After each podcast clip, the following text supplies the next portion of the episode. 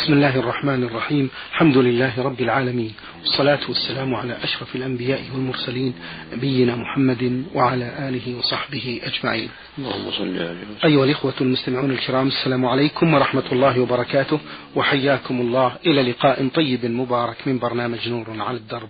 ضيف اللقاء هو سماحة الشيخ عبد العزيز بن عبد الله بن باز المفتي العام للمملكة العربية السعودية ورئيس هيئة كبار العلماء. مع مطلع هذا اللقاء نرحب بسماحة الشيخ فأهلا ومرحبا يا سماحة الشيخ. حياكم الله وبارك فيكم وفيكم. على بركة الله نبدأ هذا اللقاء من السائل من الجزائر يقول في هذا السؤال السؤال رمز السائل رمز لاسمه بقاف با يقول سماحة الشيخ ما هي الآداب والشروط التي يجب أن تتوفر في الدعاء إلى الله وماذا يجب عليه أن يكون الداعي مأجورين؟ بسم الله الرحمن الرحيم. الحمد لله وصلى الله وسلم على رسول الله وعلى آله وأصحابه ومن اهتدى بهداه. أما بعد فإن الله عز وجل شرع لعباده الدعاء. وأمرهم بذلك ووعدهم الإجابة فقال سبحانه ادعوني أستجب لكم وقال عز وجل وإذا سألك عبادي عني فإني قريب أجيب دعوة الداع إذا دعان فليستجيبوا لي وليؤمنوا بي لعلهم يرشدون والدعاء له شروط من أهمها حضور القلب. والإنسان يدعو بقلب حاضر خاشع لله يعلم أنه سبحانه مجيب الدعاء وأنه قادر على كل شيء جل وعلا. هذا من أهم شرائط الإجابة. ما يدعو بقلب غافل معرض لا يقبل على الله بقلبه يرجو إجابته يعلم أنه سبحانه هو القادر على كل شيء وأنه الغني الحميد وأنه الحكيم العليم. ومن ذلك الحذر من أكل الحرام. والإنسان يعتني بمأكله وشرب ومشربه وملبسه بأن يكون من الحلال. ويبتعد عما حرم الله عليه من الربا وسائر الأكساب المحرمة. يقول النبي صلى الله عليه وسلم إن الله تعالى طيب ولا يقبل إلا طيبا. وإن الله أمر المؤمنين بما أمر به المرسلين. فقال تعالى يا أيها الرسل كلوا من الطيبات وعملوا صالحا. قال تعالى يا أيها الذين آمنوا كلوا من طيبات ما رزقناكم واشكروا لله. ثم ذكر الرجل يطيل السفر أشعث أغبر يمد يديه للسماء. يا رب يا رب ومطعمه حرام ومشربه حرام وملبسه حرام وودي بالحرام فأنى يستجاب لذلك. أخرجه مسلم في صحيحه. وهذا وعيد شديد. يدل على أن تعاطي الحرام في المأكل والمشرب والملبس من أعظم أسباب حرمان الإجابة. ومن ذلك أيضا أن يتحرى أوقات الإجابة من أسباب الإجابة أن يتحرى أوقات الإجابة. كجوف الليل وآخر الليل الثلث الأخير وبين الأذان والإقامة وآخر الصلاة قبل أن يسلم بعدما يقرأ التحيات والصلاة على النبي صلى الله عليه وسلم والتعوذ بالله من أربع يدعو قبل أن يسلم. كذلك ما بين أن يجلس الإمام بخطبة الجمعة إلى أن تقضى الصلاة إذا دعا في هذه الحالة في سجوده أو في آخر الصلاة قبل أن يسلم يوم الجمعة. وهكذا آخر ساعة من يوم الجمعة بعد العصر.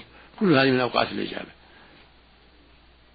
فالمشروع للمؤمن في حال الدعاء أن يقبل على الله بقلب حاضر وأن يجتهد في الإخلاص لله وحسن الظن به جل وعلا ويلح في الدعاء ويكرر ويسأل الله بأسمائه وصفاته توسله جل وعلا بذلك سبحانه وتعالى مع ملاحظة ما ذكرنا من الحذر من اجتناب من الحذر من التلبس بالحرام أكلا أو شربا أو أو ملبسا أو غير ذلك. نسأل الله أن يوفق المسلمين جميعا لما يرضيه آمين. وأن يمنح الجميع الاستقامة على الحق. اللهم آمين. أحسن الله إليكم وبارك فيكم. سماحة الشيخ يقول السائل من الجزائر تعلق بعض الناس بالصالحين والأولياء وهم موتى فترى هذا الإنسان يذهب يقول تعلق بعض الناس بالصالحين وهم موتى فترى هذا الإنسان يذهب إلى هؤلاء الموتى يطلب منهم قضاء الحاجات وتفريج الكربات مع أن هؤلاء ماتوا ويزعم بأنهم صالحين. ما حكم عمل هؤلاء مأجورين؟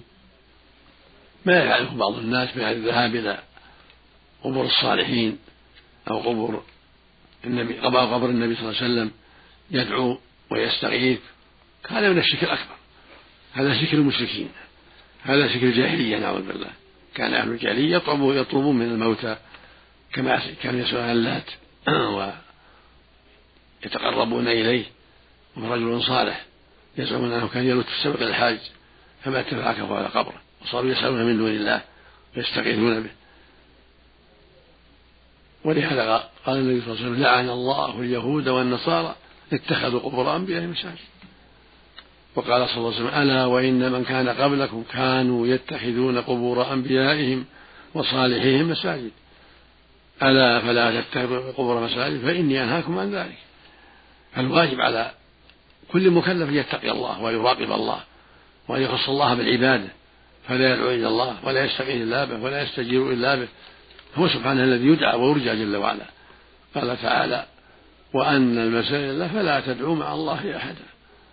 قال سبحانه ادعوني أستجب لكم. قال تعالى ومن يدعو مع الله إلها آخر لا برهان له به فإنما حسابه عند ربه إنه لا يفلح الكافرون. قال تعالى ولا تدع من دون الله ما لا ينفعك ولا يضرك فإن فعلت فإنك إذا من الظالمين. يعني المشركين. فالذي يقصد أصحاب القبور وإن كانوا صالحين ويسألهم الغوث أو الشفاعة أو غفران الذنوب أو السلام من شر الأعداء كل هذا شرك بالله شرك أكبر. وهكذا دعاء الجن والاستغاثة بالجن أو بالأصنام والأوثان كل هذا من الشرك الأكبر نسأل الله العافية. فالواجب الحذر من ذلك. هذا هو دين المشركين. دعاء الأموات والاستغاثة بالأموات وبالأصنام وبالجن وبالنجوم هذا دعاء هذا شرك المشركين. هذا دينهم الباطل نسأل الله العافية. نعم. أحسن الله إليكم. هذا سائل من اليمن يقول سماحة الشيخ آه البعض في آه المساجد يقوم القائمون عليها وفي أذان الصبح بأذانين. ما الدليل على ذلك بصحة هذا العمل مأجورين؟ يشرع للفجر أذانان أذان قبل الصبح وأذان بعد الصبح. لما ثبت في الصحيحين النبي صلى الله عليه وسلم قال إن بلالا يؤذن بليل فكلوا واشربوا حتى ينادي ابن أم مكتوم. وقال إن بلال يؤذن ليرجع قائمكم ويوقظ نائمكم.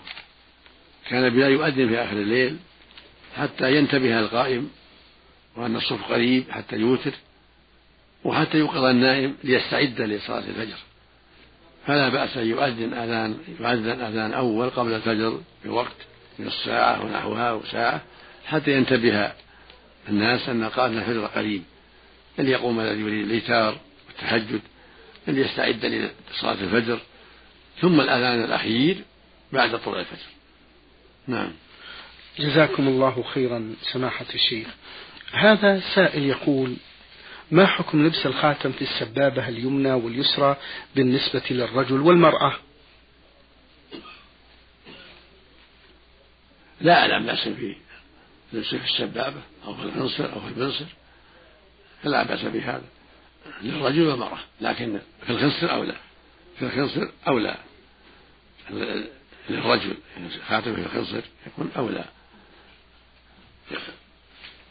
وقد ورد في بعض الأحاديث النهي عن التختم في الوسطى والتي يليها جزاكم الله خيرا. المقصود أن لا هذا يعجل نعم طيب. هذا طيب. يعجل طيب. يقرأ عليه. سم. بارك فيكم. سماحة الشيخ السقط هل له عقيقة؟ نعم إذا سقط في الشهر الخامس وما بعده يسمى ويغسل ويصلى عليه ويعق عنه نعم. إذا مات بعد الولادة بيومين أو مضى عليه شهر أو أكثر؟ إذا ولد سقطا في الخامس أو السادس أو السابع أو مات بعد الوضع بيوم أو يومين كل واحد. طيب. يسمى ويغسل ويصلى عليه ويعق عنه وما حكم تأخير العقيقة عن اليوم السابع؟ لا حرج في ذلك السنة يوم السابع. السنة يوم السابع وإذا لم يعق إلا بعد ذلك فلا حرج في ذلك. أحسن الله إليكم سماحة الشيخ. هذا السائل آه، أبو عبد الله يقول ما حكم من حلق يوم عيد الأضحى قبل ذهابه للصلاة علما بأنه نصح عن ذلك ولكنه لم يوافق؟ إيش؟ يقول ما حكم من حلق يوم عيد الأضحى قبل ذهابه للصلاة علما بأنه نصح عن ذلك في الحج؟ هذا في التفصيل. إن كان في في الحج هذا إذا رمى جمرة شرع له الحلق ما لهم صلاة في الميناء ما لهم صلاة. صلاتهم رمي الجمار ما عندهم صلاة. يرمي الجمرة ثم يحلق أفضل. ولو حلق قبل الرمي أجزى ولا بأس. فالنبي سئل عن ذلك فقال صلى الله عليه وسلم لا حرج لا حرج. سئل يوم العيد عمن قدم وأخر فقال لا حرج عليه الصلاة والسلام. لكن السنة أن يرمي ثم ينحر ثم يحلق أو يقصر والحلق أفضل ثم الطواف يكون هو الأخير طواف الإفاضة. لكن لو قدم بعضها على بعض فلا حرج. وليس لهم صلاة يوم العيد. صلاتهم يقوم مقامها رمي الجمار. أيهما أفضل في الأضحية الكبش أو البقر؟ الكبش أفضل. الضحية بالغنم أفضل. وإذا ضحى بالبقر أو بالإبل فلا حرج. لكن النبي صلى الله عليه وسلم كان يضحي بكبشين. وأهدى يوم حجة الوداع مئة من الإبل. فالمقصود أن الضحية بالغنم أفضل ومن ضحى بالبقرة أو بالإبل الناقة عن سبعة والبقرة عن سبعة كله طيب. سماحة الشيخ هل يجوز أن يعطى غير المسلم من لحم الأضحية؟ لا حرج أن يعطى. قوله جل وعلا لا ينهى لا, لا ينهاكم الله عن الذين لم يقاتلوا في الدين ولم يخرجوكم من ديارهم أن تبروهم وتقسطوا إليهم. فالكافر الذي ليس بيننا وبين حرب بل هو مستأمن أو معاهد. يعطى من الضحية ومن الصدقة نعم. جزاكم الله خيرا هذا السائل خالد آه، من مدينة إب يقول في هذا السؤال سماحة الشيخ أول أسئلتي أسأل وأقول هل يصح طلاق المريض بالحالة النفسية؟ الطلاق فيه تفصيل الضرب إذا وقع شيء من هذا تراجع المحكمة محكمة البلد اللي هو فيها المطلق يراجع المحكمة مع زوجته ووليها حتى ينظر القاضي في ذلك.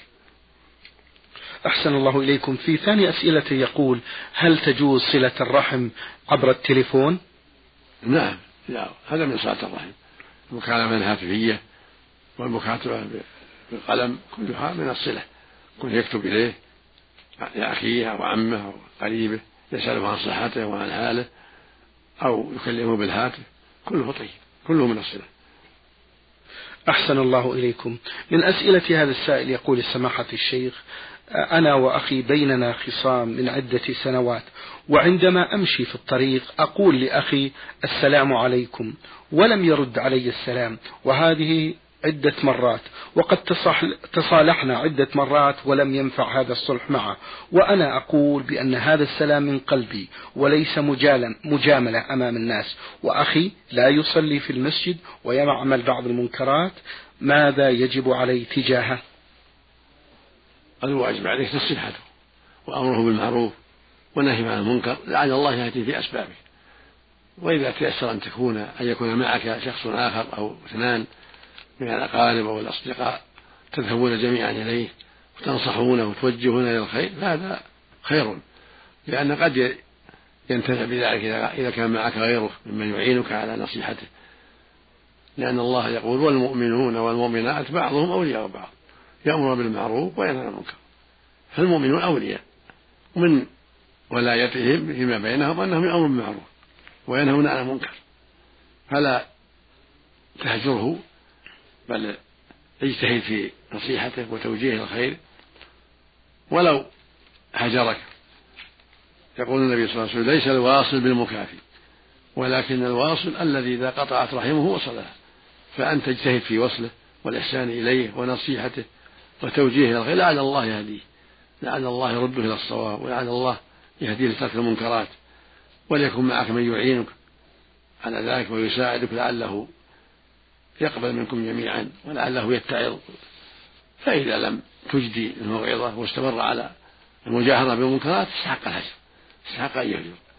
أما إذا كانت معصية خفية فيما بينه وبين نفسه وأهل بيته داخل وليست معصية ظاهرة فلا تهجره واجتهد في نصيحته وتوجيهه إلى الخير. جزاك الله خيرا وأبشر بالخير.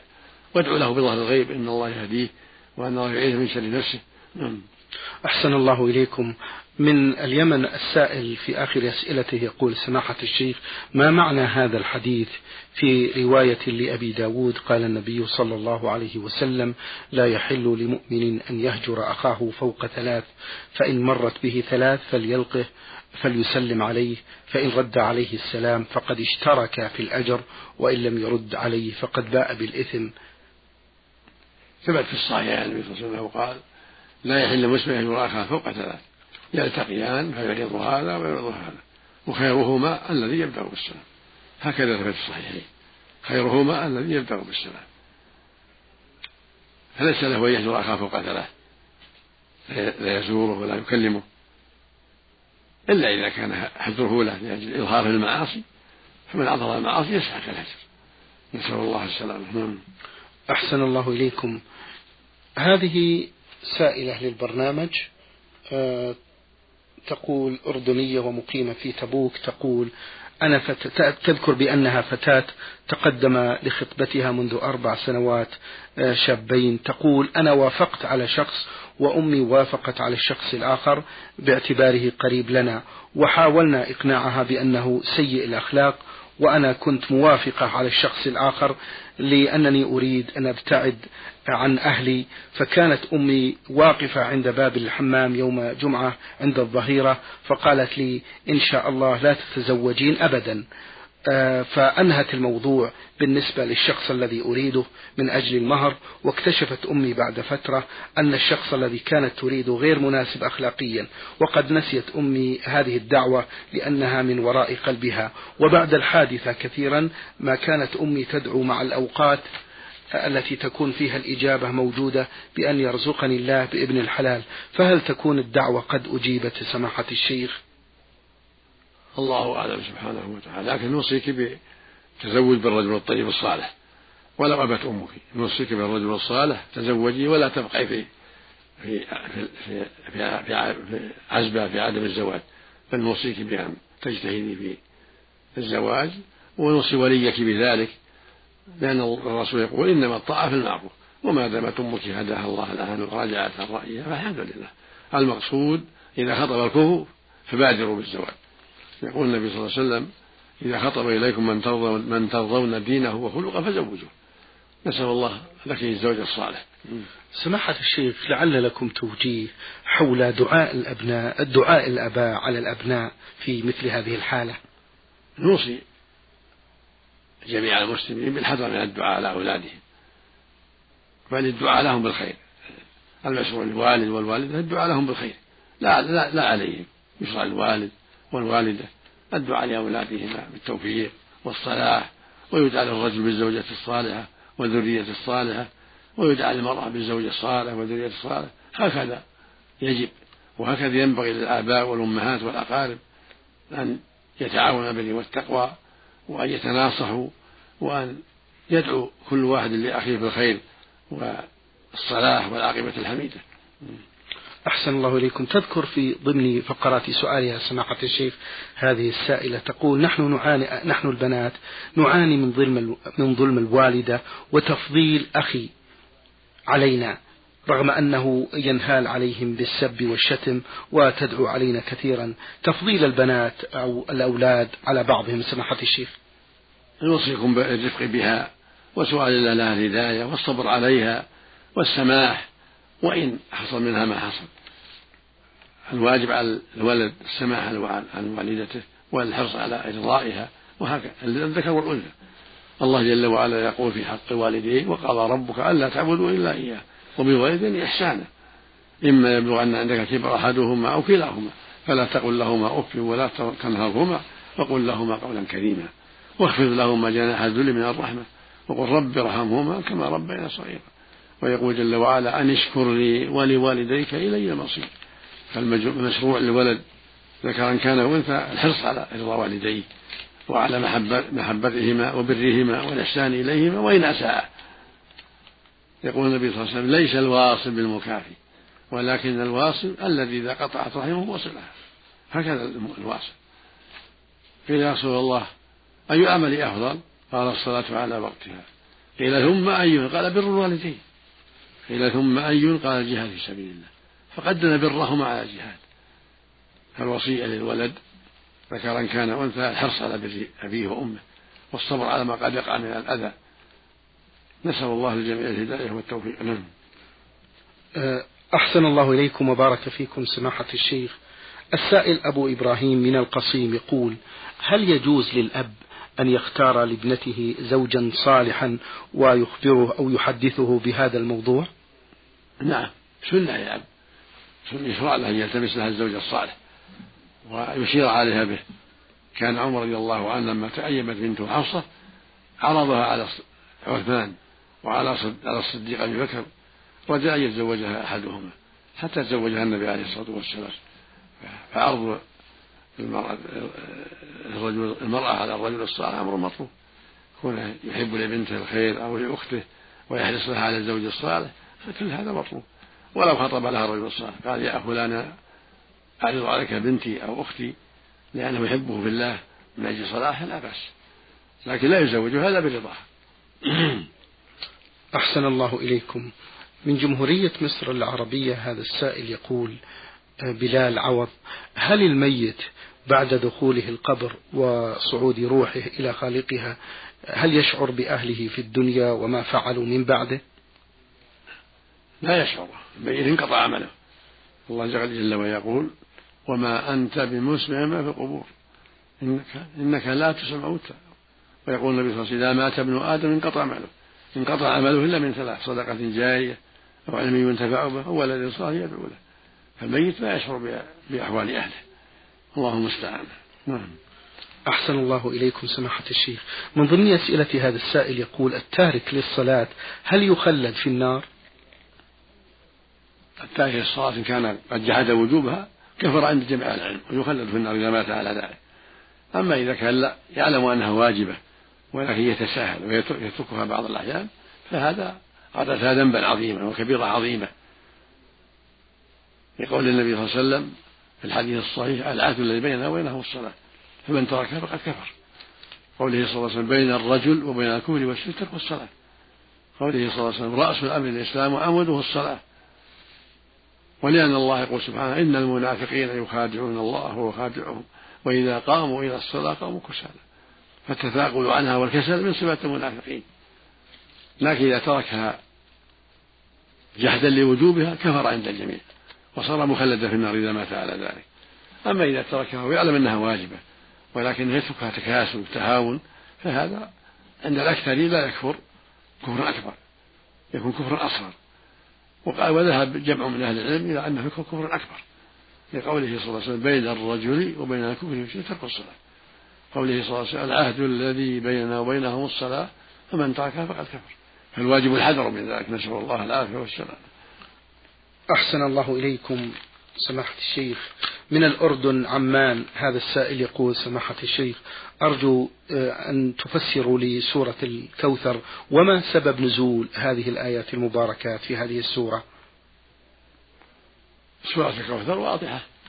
الله جل وعلا يذم فيها من؟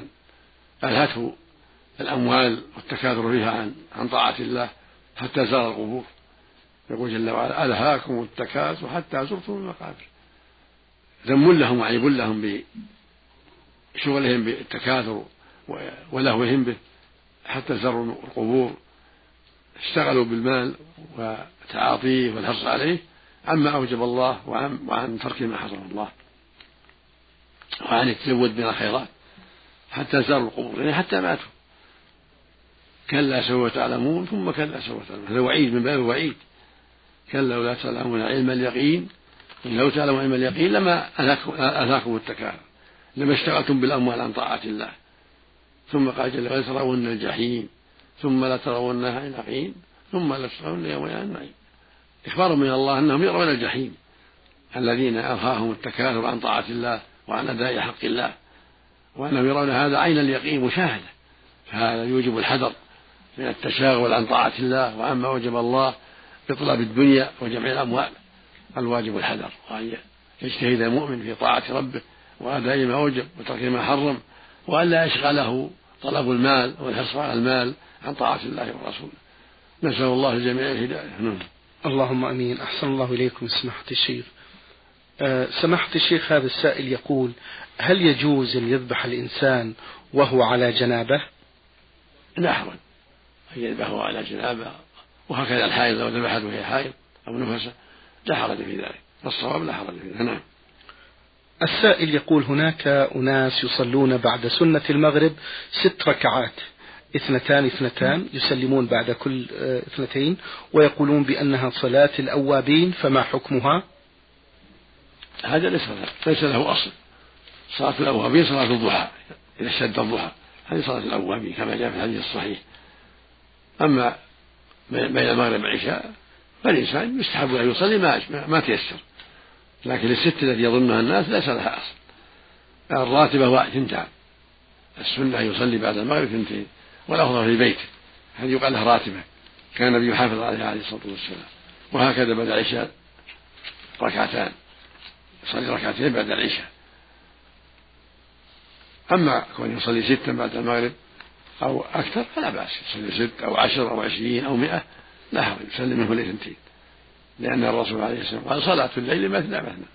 فمن تطوع بين المغرب والعشاء وصلى ستا أو ثمانا أو عشرا أو أكثر لا بأس.